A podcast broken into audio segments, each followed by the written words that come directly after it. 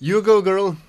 Metin čaj je spet tukaj, podcast o medijih, dobrih in slabih praksah, novih tehnologijah in trendih prihodnosti. Gosti v medijih delajo, z njimi živijo ali pa v njih razmišljajo. Gostitelja sva Aljaš Pengal Bitenc, Radio Chaos in Nataša Briški, Metina Lista. Aljaš, zdravo. Živijo. Uh, Oštra epizoda. Oštra epizoda se nam obeta, uh, še preden navalimo na gosta in na temo. Uh, najlepša hvala za poslušanje, za družbo. Za deljenje uh, podcasta. Uh, ja, gled, trudim se, no, trudim se, res je. Pul se trudva. Uh, komentarji in predlogi, dobrodošli na ali Twitterju Metina Lista. Uh, tam naj jo zalažen dobite na Afna Pengovski in Afna DC43. Uh, tudi Facebook stran redno pregledujemo in pa e-mail naslov inf, info afna metina lista. Uh, tako da hvala za vašo podporo tudi finančno. To ja. nama omogoča, da res lahko na tedenski ravni z občasno uh, kakšno prekinitvijo, ker se ne, ne uspemo dogovoriti ali pa pride karkoli takšnega vmes, ampak vsem, da uspeva uh, precej redno uh, poskusiti pripeljati najboljše možne goste, da zvemo največ, kar se da o ozadju dogajanja tistih, ki, se, ki v medijih delamo ali pa se z njimi ukvarjajo. Uh, Uh, Mava še ja. kaj zače za začetek, ali greva kar? Zato, da je bila zadnja, zadnja epizoda, ki je v bistvu prvi del ne, tega dvojčka, ki ga uh, danes, drugi del, katerega danes snemamo, je bilo tudi zelo tako uh, v redu, se mi zdi, šlo zelo, zelo, zelo dobro čez. No? Um, ja, ja, zelo, je, je. Ne, tema, je bila. Veš kaj, tema je, ker res doskrat ne pogledamo, pa se mi zdi, da je nujno, ker je zelo pomemben del našega posla je komuniciranje z pač različnimi stranmi in kle so en. Umestnik, če je to pravi izraz, PR-ovci in PR-ovke. Ja, Tako da je fajn slišati. Ali PR-ovci je do otroke? Ne? Ja, to, to si ja. super dal. Ok, uh, to je to, gremo. Uh, ja, se pravi pojmo. na drugi del, PR in mediji. Uh, z nama sta Simon Kores, PR-ovec od uh, vojske. Je to preveč preprosto, če rečemo od vojske, ali moramo kakšen bolj strokoven izraz uporabiti, Simon? Ne, ne, jaz se strinjam, ker naj ostane PR-ovec v slovenski vojske, vojske, kajti to je čist dovolj. Ja? Ok, pa Vesna Drole, uh, PR-ovka policije. Ja, lepo zdrav. Ali je tudi kaj drugega, bolj primernega? Čisto v redu izraz, vsi se razumemo, kaj počnemo in kaj je naša naloga. Ok, no, v prejšnji epizodi smo govorili bolj uh, s PR-ovcema, ki delujeta v gospodarstvu, uh, ena, ena in uh, drugi v NVO sektorju, pa v kulturi. Zdaj nam pa naj pa vse malo bolj zanima tudi, kako je pri teh. Uh, organih, uradnih organih. Uh, Represivni aparat države. Jaz sem politolog, to, to je treba povedati naprej. Takoj razkrijeva obe karte, vse karte. Vse karte. Edino, edino moja karta. No, fino. In veš, kaj je bilo zanimivo, že ko smo se pripravljali na ta pogovor, je mal drugač potekala priprava. Um, pogovarjamo se v torek, vidva sta oba dva v službi. Uh -huh. Ja, tako je.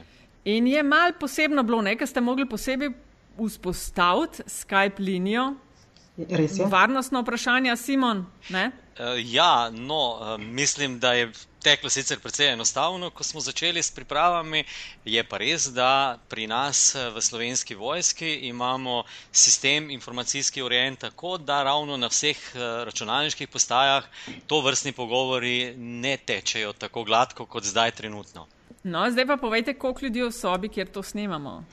Eh, v sobi sem sam in imam še podporo, informacijsko Aha. podporo, v primeru, da bo prišlo kaj. Tisti, ki pa uh, so na drugi strani, pa itak verjetno delajo svoje naloge tudi po službeni dožnosti.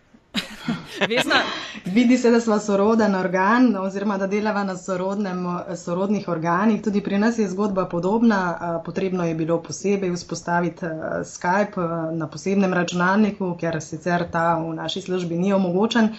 Uh, sem pa sama v pisarni, seveda, in se mirno lahko pogovarjamo, povsem sproščeno, brez, bom rekla, dodatnih uh, šumov in moten. Tako. Ok, vse lahko povesta od zdaj naprej. Uh, in še preden zakopljemo globje v tem, ali jaš, uh, čist na kratko, če se mal predstavite, za tiste, ki vaju ne poznajo prav zelo dobro, povesta res zelo na kratko, kakšna je bila vajna pot, kakšna je pravzaprav vajna povezava z mediji, odkje sta se znašla, da sta danes tukaj, kjer sta, mogoče vesna najprej. Ja, jaz, odkar vem, sama zase sem se izražala uh, pisno, se pravi, sem uh, pisno ustvarjala tako in drugače in nekako je bil potem nek naravni tega, da sem se znašla na študiju novinarstva.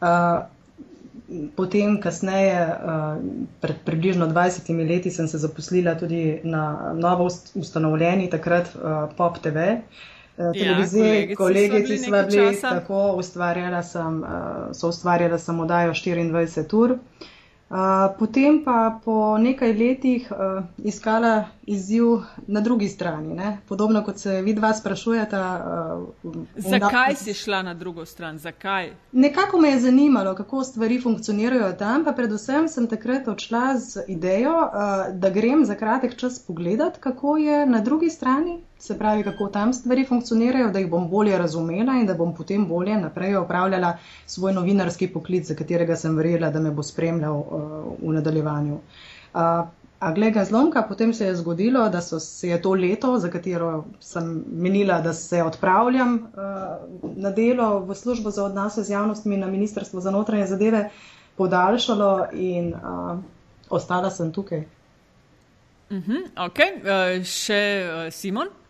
Ja, moja poklicna pot je bila precej drugačna od vesnine v slovenski vojski, kajti um, pred 25 leti sem začel kot uh, poklicni vojak, torej inštruktor za usposabljanje v 710. učnem centru, kar še sploh ni bilo povezano s PR-om oziroma z odnosi z javnostjo.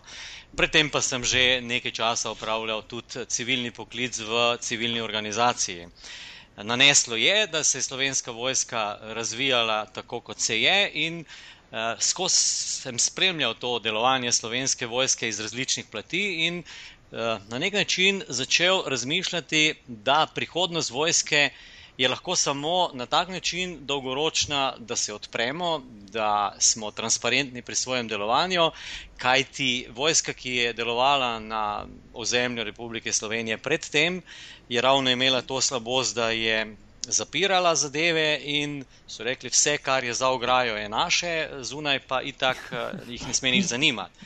In je tam nekje okrog leta 99 naneslo, ko nas je v celju, sem takrat služboval na različnih eh, dožnostih, poveljniških in, in štabnih.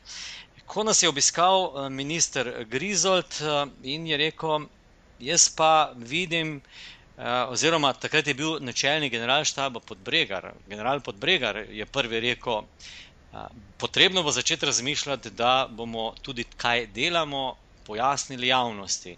No, kasneje, ko je postal minister Grizold minister, je to nadgrajeval in uh, jaz sem rekel, jaz bi pa poskušal to. Torej, moja pot je bila tako samoinicijativna in se je začela zelo na nek čuden način. Vendar, evo, Eh, kar nekaj časa od tega in uh, tukaj sem danes, kjer sem. Uh -huh. Ok, ali imaš kakšno pod vprašanje klele ali uh, uh, greva kar k temi? Greva kar da k vidimo, temi, kje se. Kot vedno, ja, vse naenkrat ja. vprašajo. Da ja. vidimo PR in mediji, kje se ne razumemo, mogoče ker se nočemo razumeti, česa eno o drugem ne vemo. Pa bi uh, mogoče bilo fino, da bi vedeli. Vesna, ti si omenila, pač ti si bila novinarka, začela kot novinarka, nadaljuješ kot PR-ovka. Uh mhm. -huh. Kaj je bilo, in to si PR-ov, ki si zdaj že vrsto let, se pravi, zelo dobro poznaš drugo stran, kaj je bilo zate največje presenečenje pri tem prehodu? Kaj je drugače, kar si mislila, da je? Predvsem to, uh, da drugo drugemu uh, razmišljamo precej, uh, bom rekla, tako klišejsko. Ne? In da mogoče se včasih, je včasih osnoven problem ta, da se inštitucije, uh, se pravi predstavniki inštitucij, ne pogovarjajo dovolj, da, da ne, ne predstavijo svojih pogledov in iščejo neke sinergije sodelovanja. Ne? Uh, Pravzaprav v tistem obdobju, ko sem jaz vstopila v Ministrstvo za notranje zadeve, so bile drugačne razmere. To je bil drugačen, drugačen čas. Mi smo takrat funkcionirali še v nekem drugačnem času, kjer se je zdelo, da vse teče počasneje.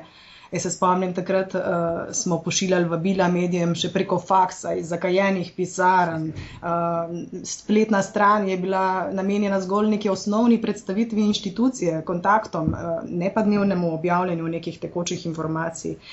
In uh, kakorkoli je naša inštitucija, se pravi Ministrstvo za notranje zadeve, katerega sestavni del uh, je, bil, je bila dolgo časa tudi policija, zdaj smo namreč organ v sestavi, uh, je že tradicionalno se zavedala sodelova, pomena sodelovanja z javnostmi. Ne.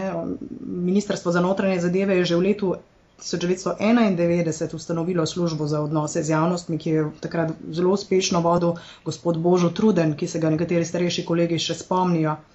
V nadaljevanju službo prevzel gospod Možič in podobno. Skratka, neka tradicija tega sodelovanja z javnostmi v tej hiši uh, obstaja.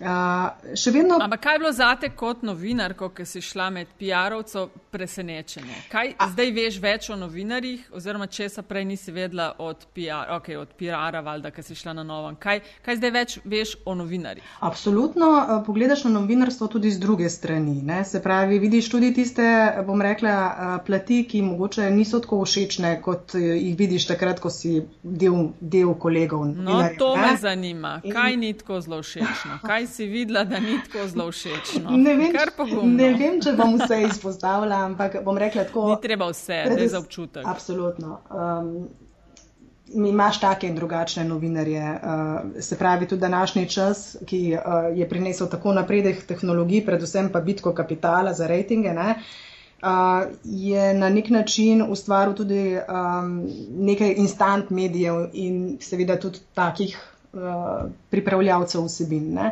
In s, s takimi, eh, bom rekla, novinarji je potem potrebno več delati, uh, včasih tudi delati na vsebinah, za katere bi pričakoval, da jih novinar sam pridobi. Uh, Kar pa bi jaz si želela, da, da ne bi naletela pri novinarskih kolegih, je to, da se zgodijo uh, primeri, zgodbe, ko nas zaprosijo za pojasnila, si mi vzamemo čas, uh, obširno, obširno obrazložimo, bom rekla, neko situacijo, neke, neke, neke razmere, pripravimo vsebine.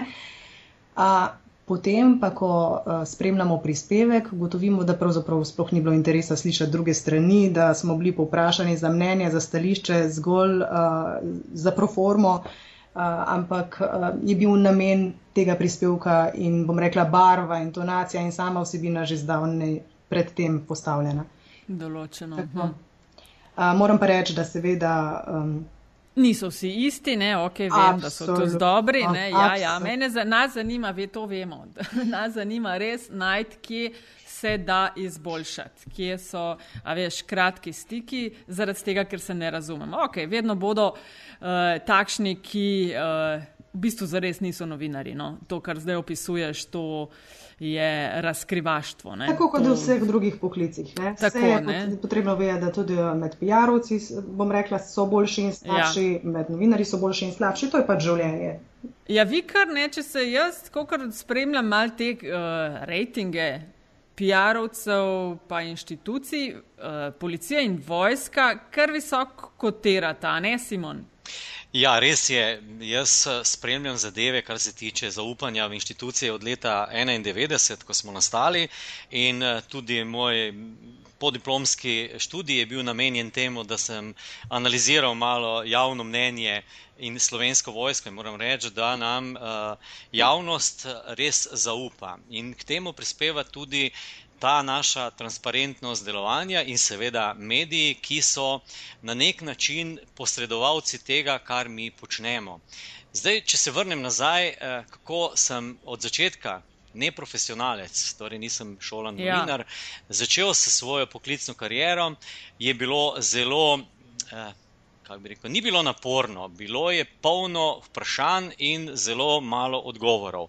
Kako pristopiti eh, z institucijo kot hierarhično, po defaultu že, uh, hierarhično zaprtim sistemu, kjer pridemo do paradoksa, kjer notranjost zaprtega sistema govori o tem, čim manj povedati, druga stran, javnost, ki nas pa spremlja, gleda in na nek način smo tudi precej odvisni od javnosti, pa ima uh, željo čim več izvedeti. In ta paradoks mi je bil prvi izziv, kako prestopiti to mejo in se približati novinarjem, oziroma se približati medijem na način, da bomo postali zanimivi. Ampak vojska je že v osnovi zanimiva za državljanke in državljane, kajti na nogomet in vojsko se vsi spoznajo. O, ne, ne, ne, na medije še bolj. No, in uh, k temu še dodam na medije. Torej, smo bili skupaj tisti, ki smo odkrivali, kaj je pa tistega, na kaj se pa ne spoznajo tisti, ki nas spremljajo. In uh, moj odgovor je bil. Uh, imeti čim bolj odprt odnos do medijev, kot uh, posredovalcev našega dela, našega vedenja, našega znanja v javnost, in s tem spostaviti takšne odnose, da si zaupamo. Kaj ti PR-ovec, ki. Simon, to je tako, da bi zdaj mi brali, kar vas na treningih učijo. Ne, ni, ni. To, to ni? Ne, ne, ne, je lahko to okay. trening, ki, ali pa napisano pravilo, ki obstaja. Vendar življenje je točno takšno. Če se ne vzpostavimo zaupanje, to pa je na nek način nezaupanje med uh, uh, medijem kot institucijo in uh, slovensko vojsko kot institucijo, ampak med tistimi, ki posredujemo informacije in tistimi, ki informacije dobivajo, potem tudi, če je napisano, to ne bi držalo. Okay. Ampak eh, kako priti do tega, meni je bilo v poklicni karieri dano, da sem uh, na nek način eh, iz svojega zanimanja to želel početi. In k temu primerno je bila pot še težja, kajti novinarskih izkušenj nisem imel, imel sem pa srečo, da sem imel sodelavko, ki je bila novinarka. Ki je začela v bistvu na nek način to širiti tudi v vojski, to je bila Tanja Markovič takrat, in uh, ona mi je bila veliko pomoč uh, za kontakt z mediji in poznavanje medijskega dela, Seveda, strokovno pa je bilo pri nas eh, v vojski odkriti tisto, pripraviti takšne informacije, da bodo mediji eh, to lahko posredovali vsem vrstam javnosti in ja. informacije zanimive. Ja. Uh, Simon, uh, Vesna, glede na to, da delata v strogo hierarhičnih organizacijah. Uh, Simon, uh, ti imaš, če se prav spomnim, čim poročnika. Uh, moj čin osebni je stotnik, tako bo. Stotnik kaj je več? Čakaj, vidva to veste, kaj je več. Stotnik je več. Okay, kaj sto? Stotnik je kar več, ampak to je bilo tam do leta, ja, leta 2006-2007, oziroma 96-97 sem bil stotnik, ja. Tako okay. je. Ja. Vesna, a imate v policiji, vem, da imate tudi čine, ampak ne vem, kako to imate prvo zorganizirano. Ja, jaz sem pa policijska svetnica. Uh, no, ampak te, v, moje vprašanje je sledeče. Ne glede na to, da ste v organizaciji dosti strogo hierarhični, a imate lahko vidva prav tudi, če se šef ne strinja? Uh, jaz, če, če povem iz svojega stališča, jaz sem imel na nek način tudi, spet govorim, uh, priložnost, da, sem, da delam že zdaj z, mislim, da šestim načelnikom generalštaba. Torej, uh, načelniki so se menjavali, uh, PR je ostal stalnica in mnogokrat se nismo strinjali v popolnosti. Uh, vendar je pač hierarhija in eno starešinstvo v vojski tisto, ki nam to narekuje, vendar pa pri uh, mnogih zadevah uh, je načelnik upošteval tudi stališče PR stroke, ne glede na to, da se ni strinjal uh, s posameznimi trditvami, je največkrat uh, rekel: naredite tako, kot je prav. Ja. Okay. Če se, če se vodja zaveda pomena komuniciranja in če pravzaprav zaupa svojemu PR-ovcu, potem mu bo praviloma tudi sledil. Seveda igra veliko vlogo tukaj prepoznana strokovnost, ogled, kilometrina, izkušnje in pravzaprav a, feedback, ki ga šef dobiva nazaj, a so odločitve njegovega PR-ovca pravilne ali pač ne. Ampak a, jaz moram reči, da a, če tudi imamo kdaj drugačna mnenja, uh, si vedno glasno in z argumenti uh, izmenjamo stališča. In uh, moram reči, da trenutno vodstvo, pa tudi, bom rekla, prejšnji šefi, ki sem jih imela, zelo sledijo mnenju uh, PR-a in da, bom rekla, tudi če je včasih pred tem ena burna diskusija, ponovadi najdemo neko skupno rešitev v smeri, katere potem tudi gremo. Okay, koliko ministrov sta zamenjala? Koliko se jih je zamenjalo med tem, ko vidva delata uh, posel PR-ovca oziroma PR-ovke? Čak, Nataša, ministrov ali načelnikov? Vse tudi ministri so tisti, ki vplivajo na to, kar ona dva delata, če ne celo zelo. Ja. Uh, Vesna, izvoli. Ja, jaz, glede na to, da sem bila prej zaposlena v službi za odnose uh, na ministrstvu, sem uh, tam zamenjala štiri ministre, različnih pa. barvnih spektrov, uh, političnih ja. spektrov. Tako. Ja, no, vse to, Simon.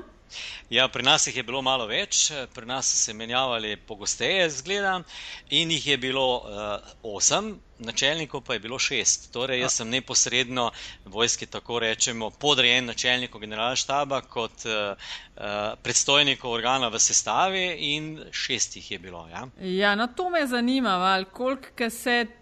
Ministri pa te zamenjajo, ker ta načelnik je pa vsem verjeten tudi ministrov v neki obliki podložen. Ne?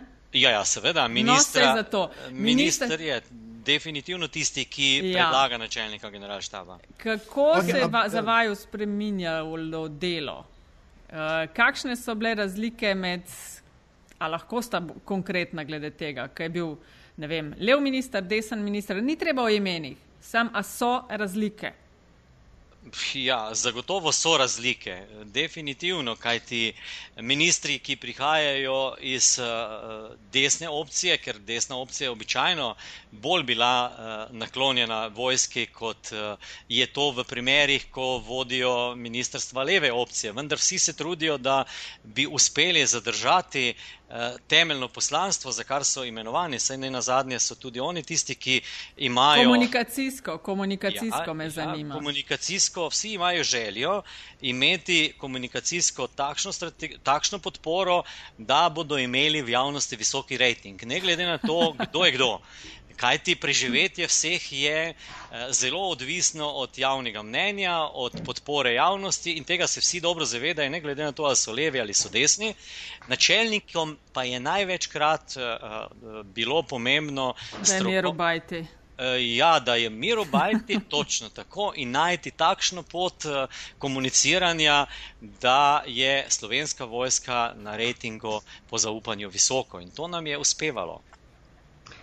Ja, razlike so, absolutno. Moram uh, še popraviti informacijo. Jaz sem govorila prej štiri ministre za čas, ko sem vodila službo na ministrskem ja, ja. delu, pa tri potem še, seveda, ko sem presedlala v policijo, tako da niso se pogosteje menjali pri vas, Simon. Uh, drugače pa, uh, kar se tiče komuniciranja, so razlike, seveda. Nekaj po, v, v smeri tega, koliko razumejo pomen komuniciranja. Uh, sicer pa uh, tudi, bom rekla, po njihovi usmerjenosti, koliko želijo na nek način posegati tudi v samo komuniciranje, tudi z vsebinami. Če tudi jaz moram reči, da uh, policija kot organ, sem, uh, uh, organ v sestavi je samostojen organ in tudi komunikacijsko samostojen organ in na tem vedno znova ustrajamo. Tako da uh, tukaj. Odkar delam v tej strukturi, moram reči, da vpliva um, neke politike, ministrstva, ne čutimo. Ja, sorry, Ampak, ama, amata, ne, ne, amata, um, bom rekel, ne zdaj težave, ampak recimo, kdo se,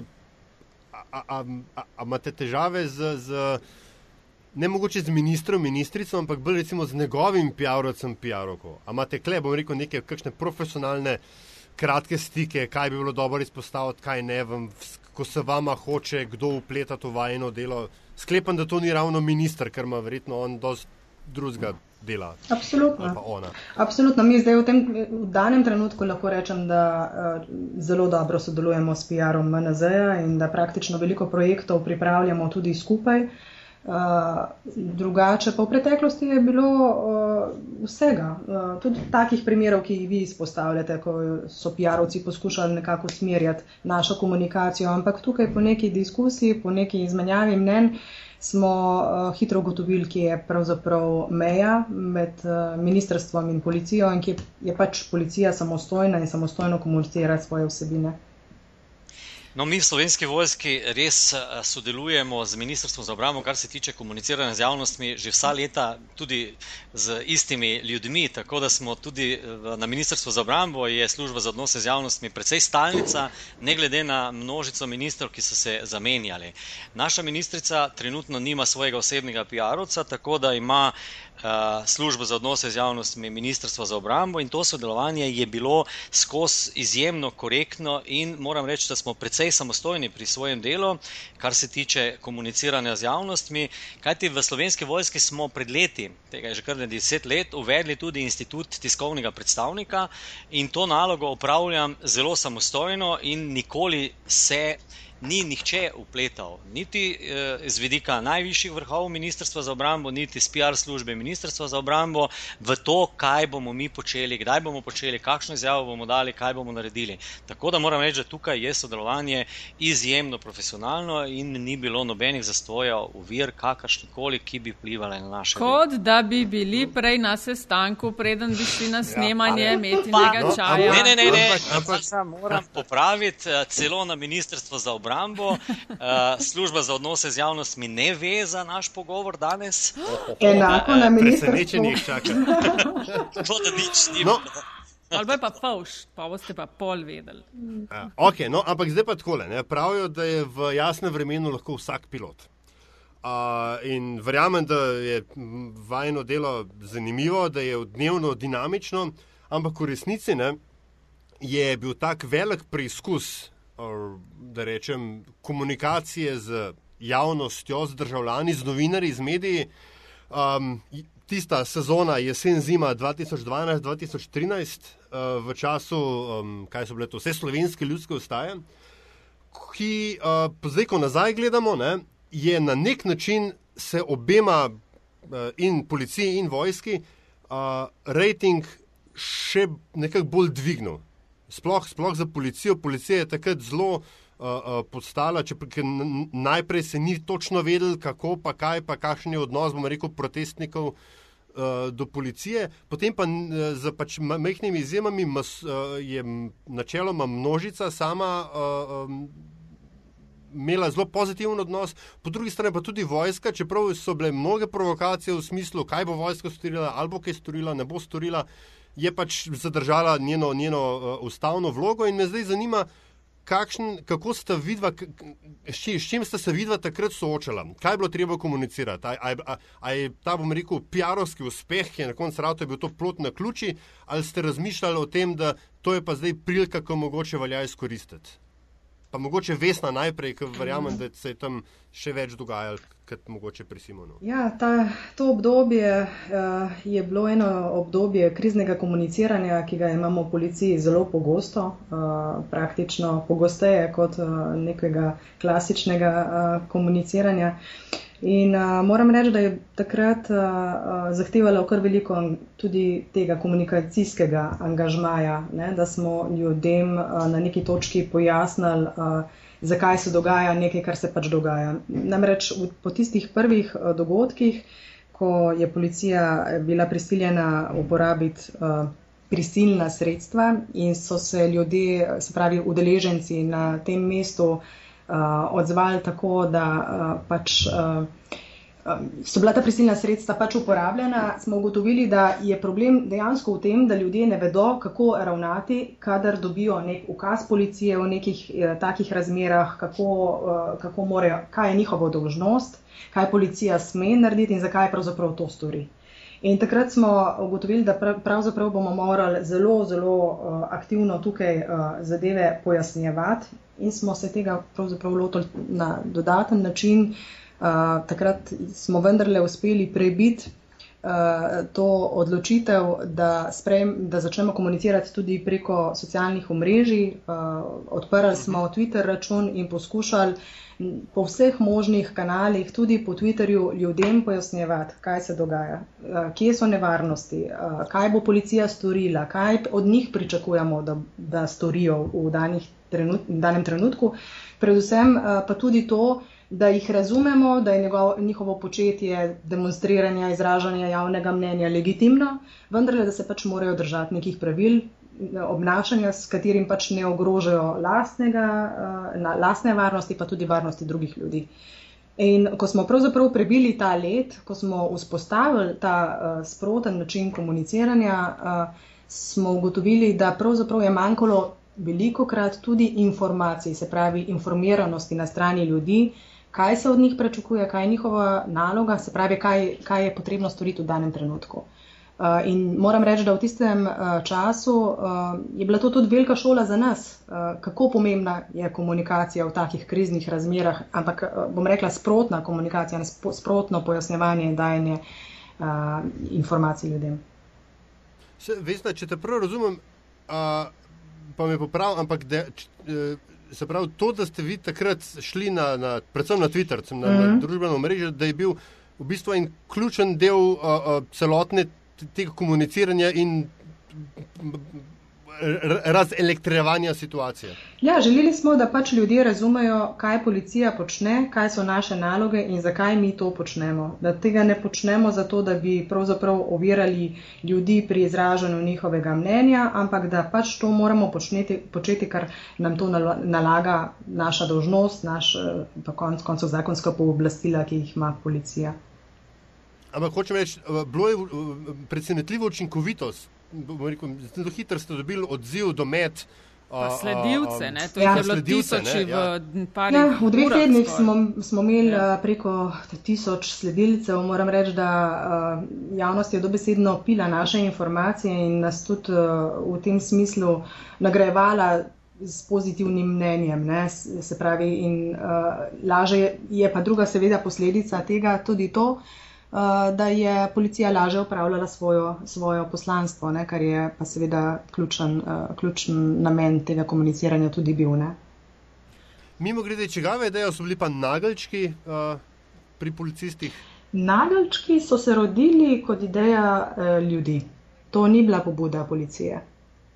Nageljčke so policisti prejemali od ljudi, uh, ki so jih podpirali njihovi, pri njihovem delu, ki je bilo seveda naporno, je, pri delu, ki, kjer so se policisti izpostavili svojim zdravljem. Konc koncev je kar precej policistov v tistem času bilo ranjenih, ker so, bom rekla, bili obmetavani z različnimi predmeti.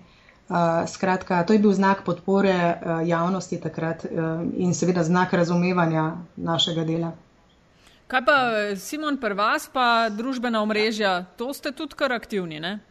No, mi družbena omrežja zagotovo vidimo kot možnost, da lahko komuniciramo tako, kot se pričakuje z zdajšnjem hitrem tempu življenja, da bodo informacije hitre, da bodo informacije dostopne čim večjemu številu ljudi.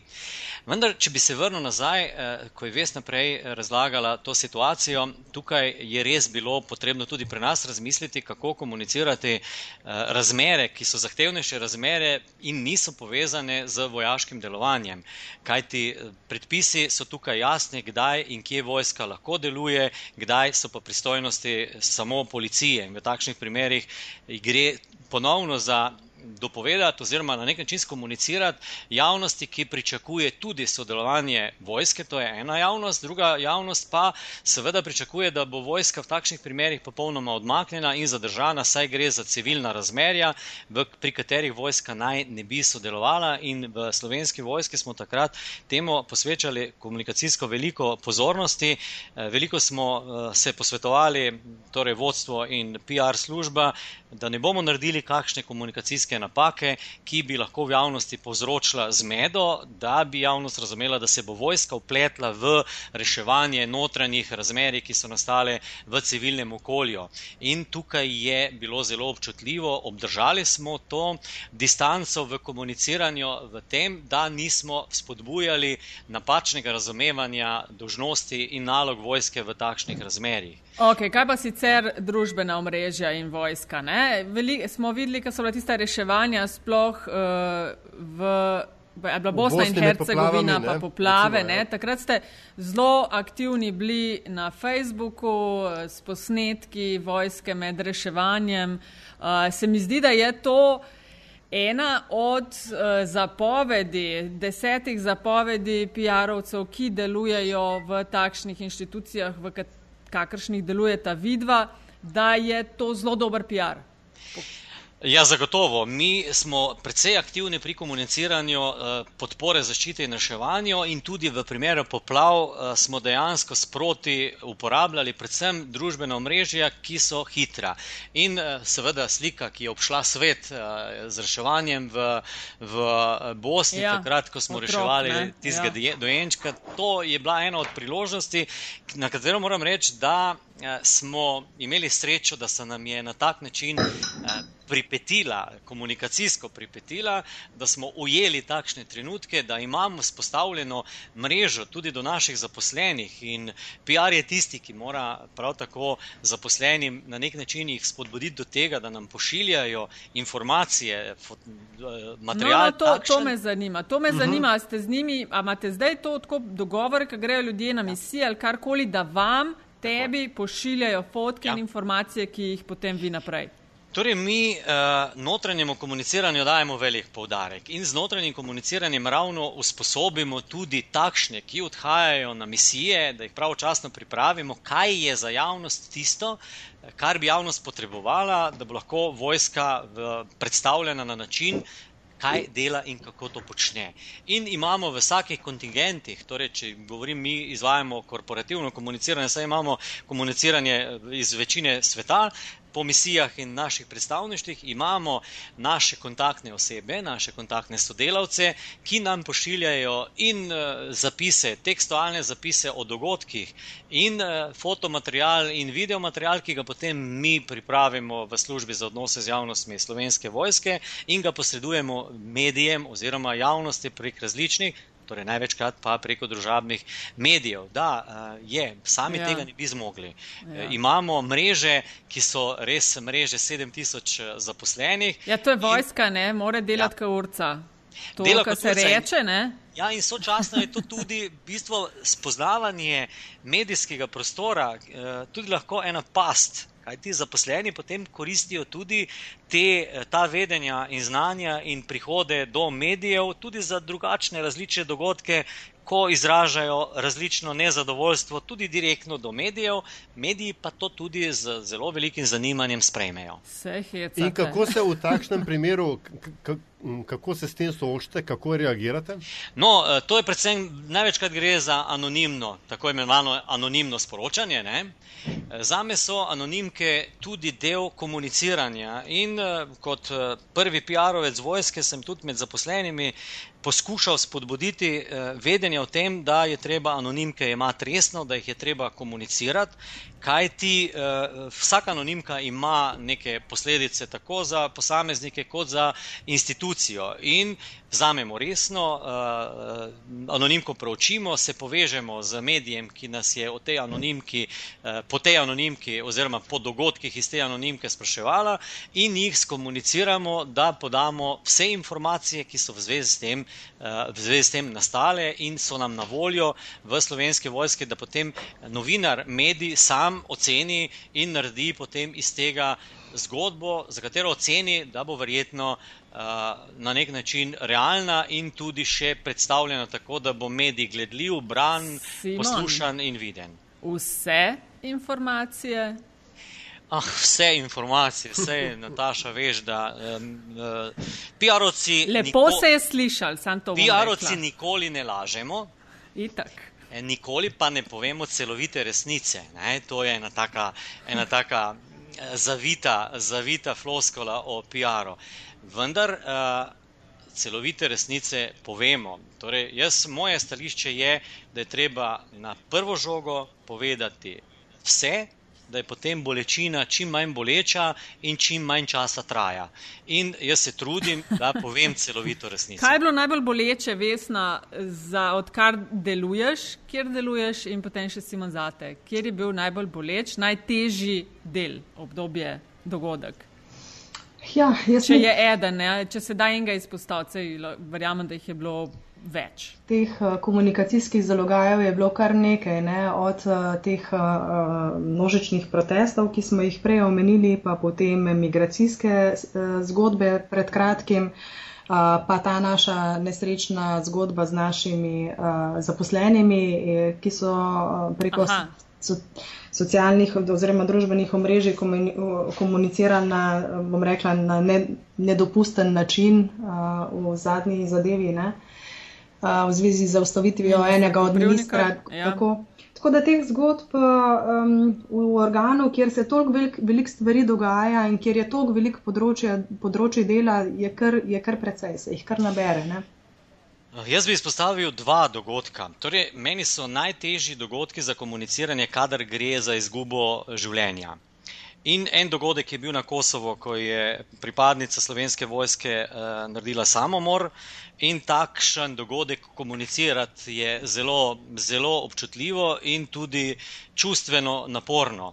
Vendar PR-ovec pri tem uporablja vse, vsa znanja, ki jih ima, in se nam je na nek način izpeljalo, da smo dobro skomunicirali, kajti agenda je bila zelo kratek čas. Tukaj treba pač upoštevati okoliščine eh, mednarodnega okolja, predvsem je pa treba upoštevati okoliščine, ki so povezane z njenimi najdražjimi bili in komunicirati, seveda, za medije, pa takoj vse in eh, čim prej povedati.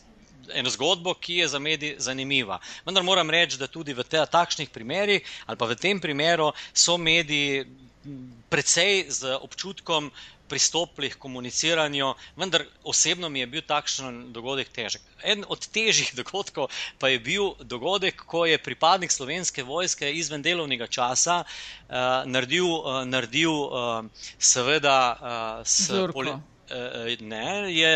Uh, pri zaustavitvi policijske patrulje mm -hmm. uporabil streljno orožje in ubil Strelil policaja. Ta je pa bil eden izmed še težjih uh, za komuniciranje, ko smo se najdli na dveh straneh, verjetno tudi Vesna bo mm -hmm. tega še znala opisati, policija in vojska. In javnost je tukaj, seveda, skočila na vse štiri in v zrak, in ta je pa bil verjetno še težji dogodek. Res ja, je. Res ja. je.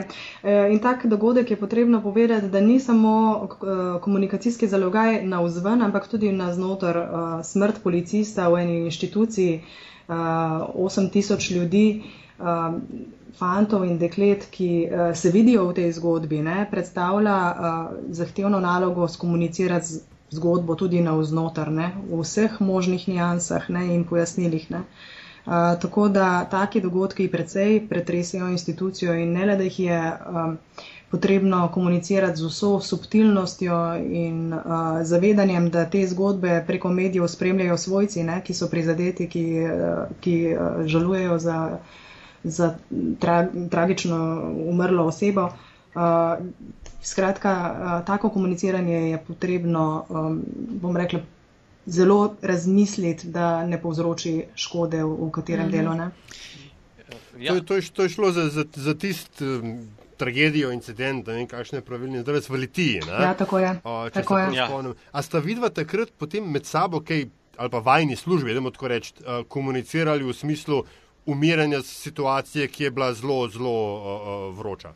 Ja, ja, zagotovo. Mi smo uh, tako izpostavili stik uh, službe med sabo in se usklajevali, da ne bomo hiteli ali pa zaostajali z informacijami, tako da bi uh, povzročali škodo drugemu, največ pa, da bi povzročili škodo svojcem, ki so pač neposredno pri tem mm. največje žrtve komuniciranja. Govorim. Svojci so največje žrtve komuniciranja, pravilnega ali nepravilnega, in tukaj zagotovo zagotovo v takšnih primerih ne gre za tekmovanje, kdo bo hitrejši, kdo bo pametnejši, ampak predvsem za premišljeno, koordinirano komuniciranje in v takšnih primerih nam to uspeva. Ja. Uh, eno vprašanje imam še, Nataša, se vem, da nam že mečken čas. Ne, ne, v redu, ampak kar kar. Ja, uh, migranska kriza, Vesna, Vesna jo je, jo je omenila. Uh -huh. um, Simon, v, kot posledica te krize je tudi vojska dobila neka dodatna, mislim, oziroma obstaja možnost, da vojska dobi pooblastila skladno s sklepom parlamenta, če sem čisto natančen. A, kak, ali se uh, vi, oziroma ali je to pomenilo kakršno koli spremembo strategije uh, komuniciranja, zdaj ali vnaprej, in pa mogoče mečkam bolj provokativno vprašanje, uh, kaj, če kaj lahko vajni službi naredita, ko pripadnik, pripadnica policije, vojske uh, izraža neka svoje mnenja, ki, so, recimo, ki niso v skladu z doktrino institucije kot same na, na, na družbenih omrežjih. V tem primeru, recimo, govorim za antibegunsko, uh mhm. -huh. antimigransko uh, retoriko. Ja, ta le begunska situacija, ki se je uh, odvila v lanskem letu, pa trajala še letos, je bila tudi zahtevna za komuniciranje, predvsem uh, z tega, kajti javnost je pričakovala, da se bo vojska vključila takoj v prvi fazi, seveda uh, predpisi in delovanje policije in vojske je tukaj jasno. In tudi zaposleni v slovenski vojski so pričakovali, da bodo se v prvi fazi fazi aktivneje vključevali in da bomo mi to aktivno komunicirali. Vendar tu je bila zopet ponovno skupna strategija, s policijo smo se dogovarjali, kdaj bomo komunicirali, katere segmente in kje bo vojska tista, ko bo začela komunicirati svoje delovanje, kajti spostavili smo že oktobra sodelovanje in takrat smo splošno informirali, ko pa je vojska februarja eh, letošnjem letu dobila pooblastila skladno z odločitvijo vlade in parlamenta kasneje, takrat pa smo prav tako delovali skupaj. In moj cilj je bil, da ne izpostavljamo samo delovanja vojske, ampak ker tako kot je bilo skupne patrulje eh, ob meji, da tudi skupaj komuniciramo in izražamo, da dajemo občutek varnosti, kajti preko komuniciranja to smo lahko dosegli, občutek varnosti državljanov, da je situacija obvladljiva in da delamo skupaj policija in vojska. In brez skupnih dogovorov zvestno ne bi šlo. Vesna? Ja, res je. Sodelovali smo tudi v tem primeru, kot tudi pogosto, kadar se znajdemo na nekih vsebinah, kjer se naše pristojnosti, bom rekla, dotikajo ali pa včasih celo križajo. In to jaz mislim, da je nujno potrebno, ne? Eh, če želimo pravzaprav tudi državljanom dati tisti pravi vtis, da država funkcionira, da, da eh, je za vse stvari poskrbljeno, da so oni pač lahko mirni in zaupajo inštitucijam kot takim. Kajti, jaz, če lahko tudi dodam, jaz vidim tu ravno razliko med našim PR-om, torej slovenske vojske in policije, od PR-a eh, profitnih organizacij. Oni tekmujejo za kapitalom, mi pa tekmujemo v tem, da bomo skupaj uh, izražali neko varnost ljudem in dajali občutek preko informiranja na različne načine, da to obvladujemo in v teh primerjih je to zelo. Jaz vedno rečem, pri nas eh, nam ni dovoljena propaganda, nam je dovoljena promocija našega delovanja in skozi promocijo, torej skozi sprotno, eh, natančno, brez tistega pol resnice, dosežemo to, da nam ljudje verjamejo. Nam je najbolj pomembno, da nam ljudje verjamejo in da dosežemo zaupanje, kajti brez tega ne gre. Ja, no, sta... no, ampak, prosim, ampak samo tole. No, a, a, potem se pa se recimo zgodi, ne, da pripadnik, pripadnica ja. a, mhm. policije, vojske policije v, na, na družbenih ja. omrežjih razširja, oziroma da mu tako rečem, ne, ne iz zlobe, ne, ampak da se, da se naleze te moralne ali pa družbene panike, ki je takrat, ne glede na vaš, pa še čegav drug trud, ki, ki je nekako prevzela državo. Ne, uh -huh. uh, in, in potem uh, nekdo, ki bi načeloma ne bil tam za to, bodi si ja. za varnost, ali za vem, dobro, državljanov, beguncev, vprašanje, iz katerega konca to gledamo. Ne, uh, uh, Razširja v bistvu to paniko, in a, a, kak, kak, ja kako če sploh se vidi, vajne službe s tem soočajo? Ali lahko kaj naredite, ali imate kakšno izobraževanje, ali kaj? Ja, ja, jaz eh, dam veliko na preventivo. In uh, ko opazim, ko, ko smo začeli komunicirati s uh, temi druž, družbenimi mediji, sem tudi predvidel, da bodo tudi takšni dogodki. In uh, tukaj gre predvsem za kodeks in profesionalizem. In skozi izobraževanje, ki jih imamo, usposabljanja, ki jih izvajamo s našimi zaposlenimi, in skozi sestanke, ki jih imamo na področju delovanja po PR. PR-a, po PR-u jim predstavimo, da je sicer profesionalec. Eh, jasno, na eni strani v službi 24 ur, na drugi strani je pa tudi državljan 24 ur. Poskušamo spodbujati način, kako uh, nas ljudje vidijo in svojim zapos našim zaposlenim eh, na nek način predstaviti, kakšne posledice lahko ima izražanje njihovega državljanskega eh, mnenja na to, ker na eni strani je državljan, na drugi strani ga pa vidijo eh, sosedje in, in, in ostali kot profesionalnega vojaka 24 ur na dan. Se dogaja, smo na to občutljivi, spremljamo, opozarjamo, predvsem pa jih seznanjamo na posledice, na katere pa ne želimo, da nastanejo v javnosti. Tudi pri nas smo se v inštituciji kar precej pogovarjali na to temo, tudi v odboru za etiko in integriteto, katerega članica sem tudi sama, smo eh, in naslovili eh, nekaj pisanj na zaposlenje v tej zvezi, pa tudi se konkretno pogovarjali z nekaterimi predstavniki, ki so preko socialnih omrežij, ne samo o teh vsebinah, ampak o tudi o drugih vsebinah eh, razpravljali. Namreč policist, vsa, vsi, ki smo zaposleni v policiji, se moramo zavedati, da je pač uh, zaradi narave našega dela prak zasebnosti tukaj manjši. Ne? In da tudi, ko smo v, nas, v našem prostem času, se moramo zavedati, da nas ljudje spremljajo kot, uh, kot pač pripadnika te inštitucije. In uh, temu mora biti potem prilagojeno seveda tudi izražanje našega. Mnenja naših pogledov, še posebej na uh, družbenih omrežjih, za katere vemo, da imajo velik doseg in uh, da jih spremlja veliko ljudi. Mhm. No, prej smo govorili nekaj o, sta omenila, kako težko delo je v primeru raznih tragičnih smrti, uh, kako težko je to uh, in občutljivo komunicirati.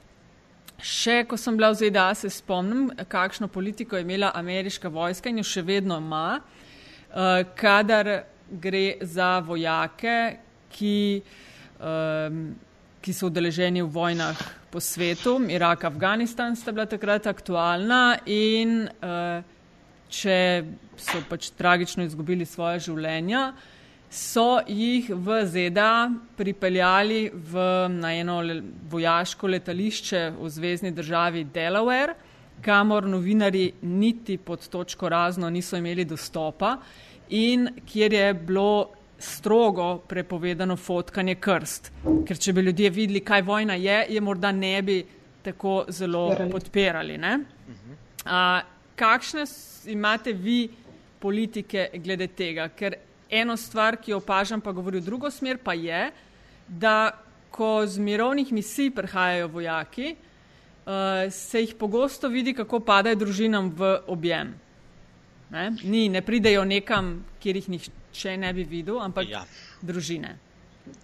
Pri nas v slovenski vojski eh, delamo to predvsem eh, na podoben način, torej tudi eh, v primeru smrti lahko pripeljemo posameznika, krsto posameznika na vojaške del letališča, to je edino, kar lahko naredimo in tam mi lahko upravljamo z dogodkom.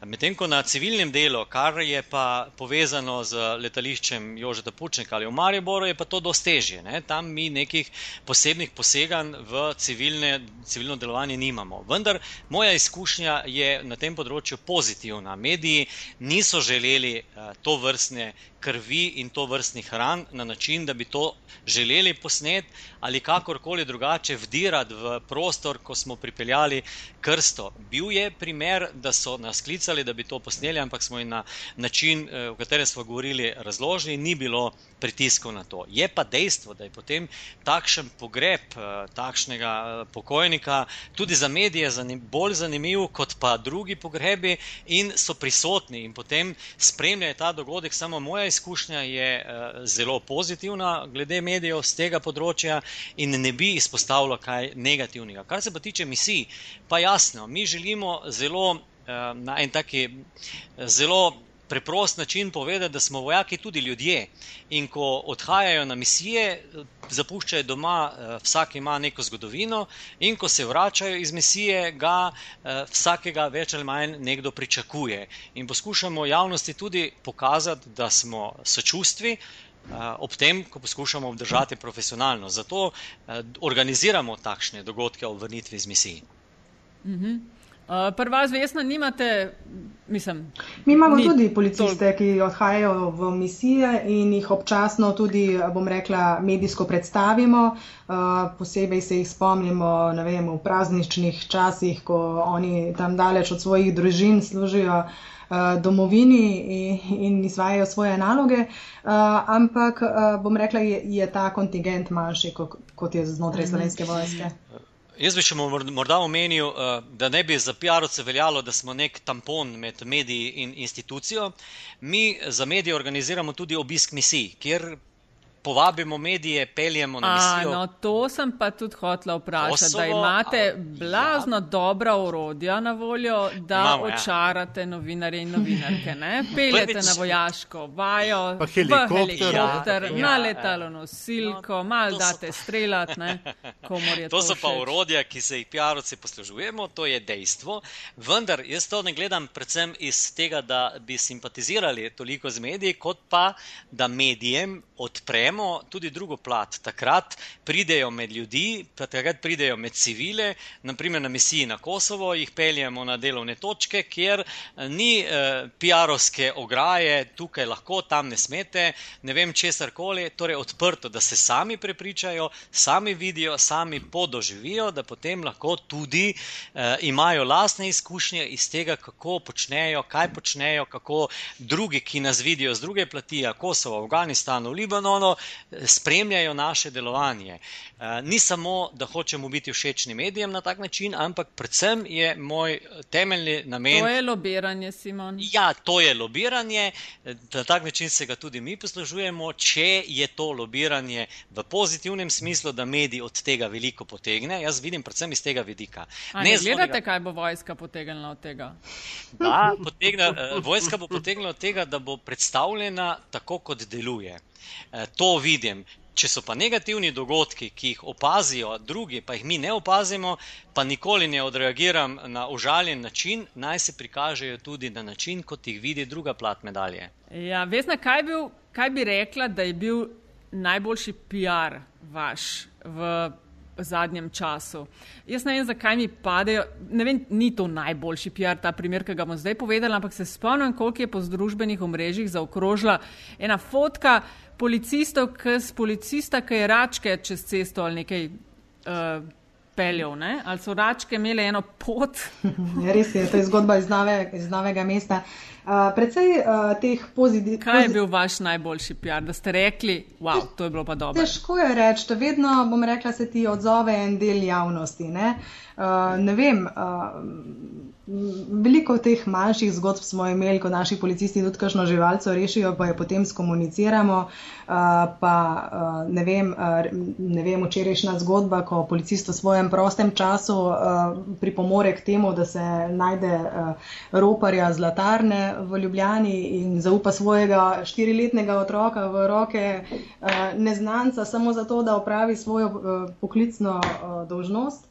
Um, veliko je teh uh, zgodb, dvakrat na leto tudi podeljujemo priznanja našim hrabrim in požrtvovalnim policistom in te zgodbe so ponovadi vedno osupljive in vsaka po svoje uh, tudi pretresljiva, ko vidiš, koliko so naši zaposleni pripravljeni vložiti nekega svojega truda, tudi svoje, tvegati svoje življenje, konec koncev zato, da storijo neko družbono odgovorno dejanje, pomagati ljudem. Uh, ne vem, PR-ovsko pa je letos seveda zelo odmevala zgodba našega šefa, ne, ko je pravzaprav osebno zgodbo, uh, ki ni bila pozitivna, uh, odgovorno predstavil javnosti. Da je spomen, katera zgodba je za tiste, ki mogoče ne vejo. Ja, to je zgodba v povezavi z njegovim sinom, za katero je potem v nadaljevanju tudi prejel priznanje Primus 2015 kot prvi menedžer v javni upravi za najboljšo komunikacijo da zdaj zelo tako, ne, ta tale naš enourni pogovor, da ne bi kdo, oziroma že meni se zdi, da so mediji v odnosih do policije in vojske kar hudo državotvorni. Aha, smo malo servilni, ne? Ja, ja, ja, niso. Ampak, ampak, ja, ja, no, ampak, ampak e, e, e, en, en velik aspekt smo mogoče, oziroma ga še nismo omenili, Vesna, ta je bolj z tvojega področja, vašega, bom rekel, obče ja. policijskega področja. Ne? Hišne preiskave in dejstvo, da so kamere tam pred kriminalisti. Ja, to moram reči, da ni. Kako, na na, ja, kako ti na to? To, ne, ne, to, to ni posledica to našega ja. obveščanja, ja. pač uh, informacije uh, nekako pridejo do novinarjev. Uh, jaz moram reči tako, uh, absolutno tudi v našem interesu ni, da hišne preiskave potekajo v soju žarometov. Če tudi, ko novinari, bom rekla, te informacije imajo, potem v nekem segmentu seveda uh, same preiskave skomuniciramo tudi sami, predvsem z namenom, da ne bi nastala nepotrebna škoda z poinformacijami, dezinformacijami, kakorkoli že pač ne. Uh, dejstvo pa je, da uh, predkazanski postopek kot tak ni javen in tudi taka opravila kot taka jih mi ne komuniciramo aktivno, ne glede na to, da uh, uh, včasih izpade tako, da, da so včasih tudi kamere na samem prizorišču dogajanja. Mm.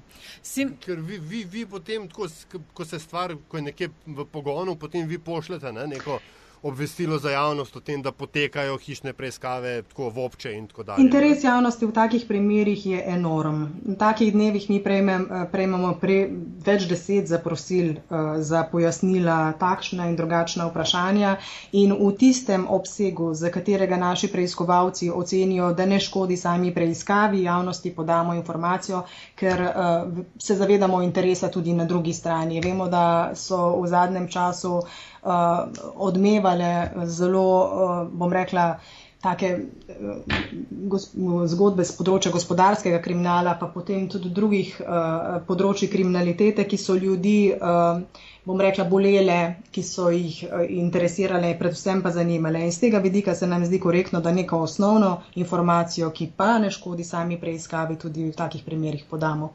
Mm. A so mediji razvili, uh, da rečem tako, občutek za kri v, teh, v, v primeru gospodarskega kriminala?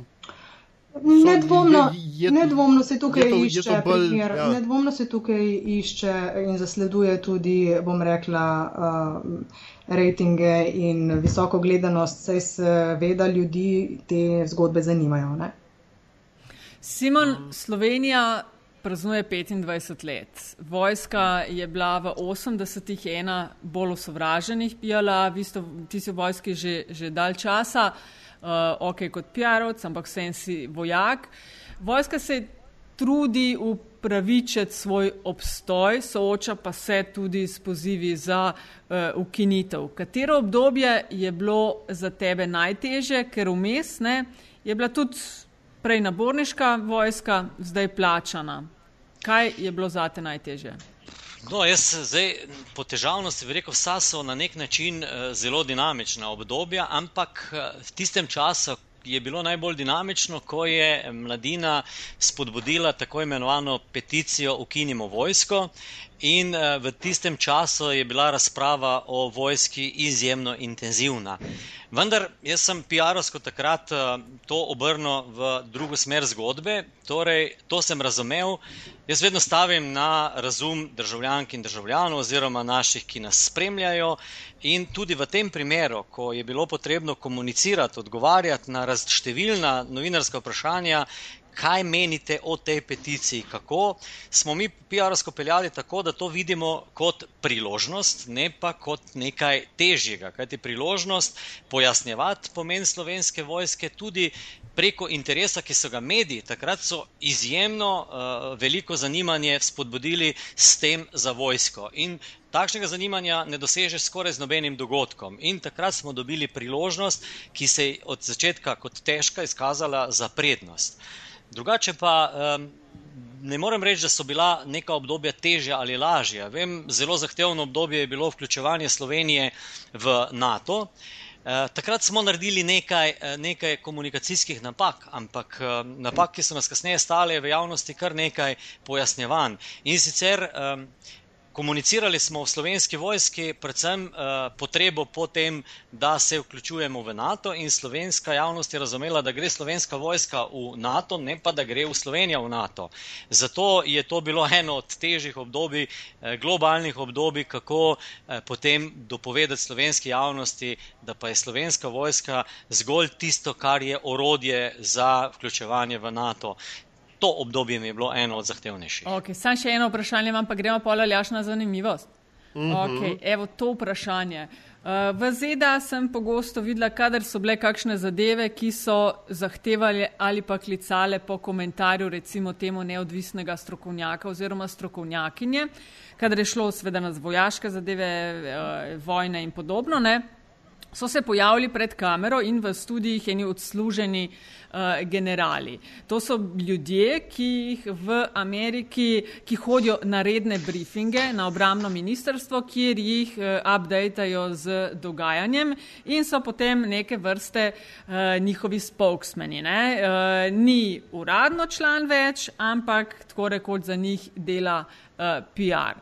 A je to vesna prvas na policiji? Imate kakšno ljudi, ki uh, se v nekem trenutku upokojijo, pa jih imate in uh, obveščate o dejavnostih za primer, če jih mediji kličejo uh, za komentarje? In ali je to Simon tudi v vojski primer? Včasih se mi zdi, no, da se potem. Aha. Včasih se mi zdi, da se pri nas pojavijo tudi pred kamero kakšni ki delujejo kot strokovnjaki, pa imajo zelo slabe informacije. Uh, ne vem, kakšno imate politiko pri ja. vas?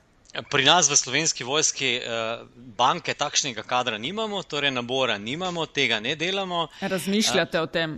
Uh, ne, da bi ti tako imenovani upokojeni bili naši spokesmeni, tega. Uh, neuradno tem, vaši spokesmeni, ne, da se. Ja, ja, neuradno naši spokesmeni, tega uh, tudi nimamo namena. Kaj ti, uh, jaz sem prepričan, da institucija mora biti odzivna in da so mediji tisti, ki si bodo priskrbeli ali pa znali najti takšne strokovnjake, ki bodo komunicirali in komentirali tudi dogodek iz druge plati, ne samo iz te tako imenovane na pol uh, uradne, uradne plati. In ja. tega ne delamo. Res pa je, da pa mnogo krat dobimo vprašanja iz medijev, če poznamo kje kakšnega strokovnjaka, ki no, bi se to ukvarjal. Eh, v jaz takšnem primeru eh, prepustim to medijem, torej medijski hiši, da si sama poišče takšnega strokovnjaka in ne želim dajati nobenih imen in na ta način ne želim plivati na to, kaj bo v javnosti predstavljeno. Vesna? Ja, pri nas podobno. Seveda, kdo lahko komunicira v imenu slovenske policije, določa sam zakon oziroma ja, po našem pooblastilu, se pravi po našem dogovoru. Ne?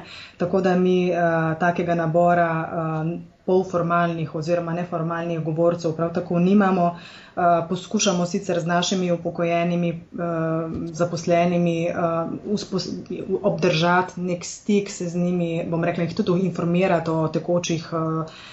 Projektih, s katerimi se ukvarjamo, ampak je pa na, dejansko na strani medijev, da poiščejo kompetentne sogovorce, kadar jih iščejo zunaj institucij.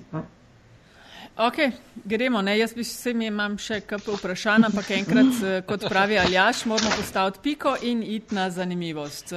Goste in gostje vedno na koncu vprašava po kakšni zanimivosti, da z nama delijo in nami kakšno podrobnost ali s svojega posla, ali pa upozorijo na kaj, kar mislijo, da bi nas morali uh, zanimati. Tako da, kdo bo prvi? Določite voditelje. Okay. no, dame imajo prednost. Okay. No, ja. Prav, hvala.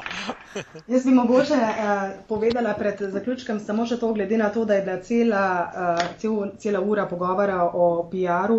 Uh, eno, en povdarek, ki se mi zdi res pomemben, ne? da se mi zdi bolj pomembno, kot je uh, neko šablonsko izpolnjevanje priporočil PR uh, gurujev. Uh, pomemben odnos, s katerimi naslavljamo naše državljane. Pa bodi si, bodi si smo to PR-ovci, bodi si so to politiki, kdorkoli pač uh, se javno izpostavlja in javno nastopa. Pomembno se mi, pomembna se mi zdi ta energija, ki jo ljudje začutijo, predvsem pa pristnost in uh, forma.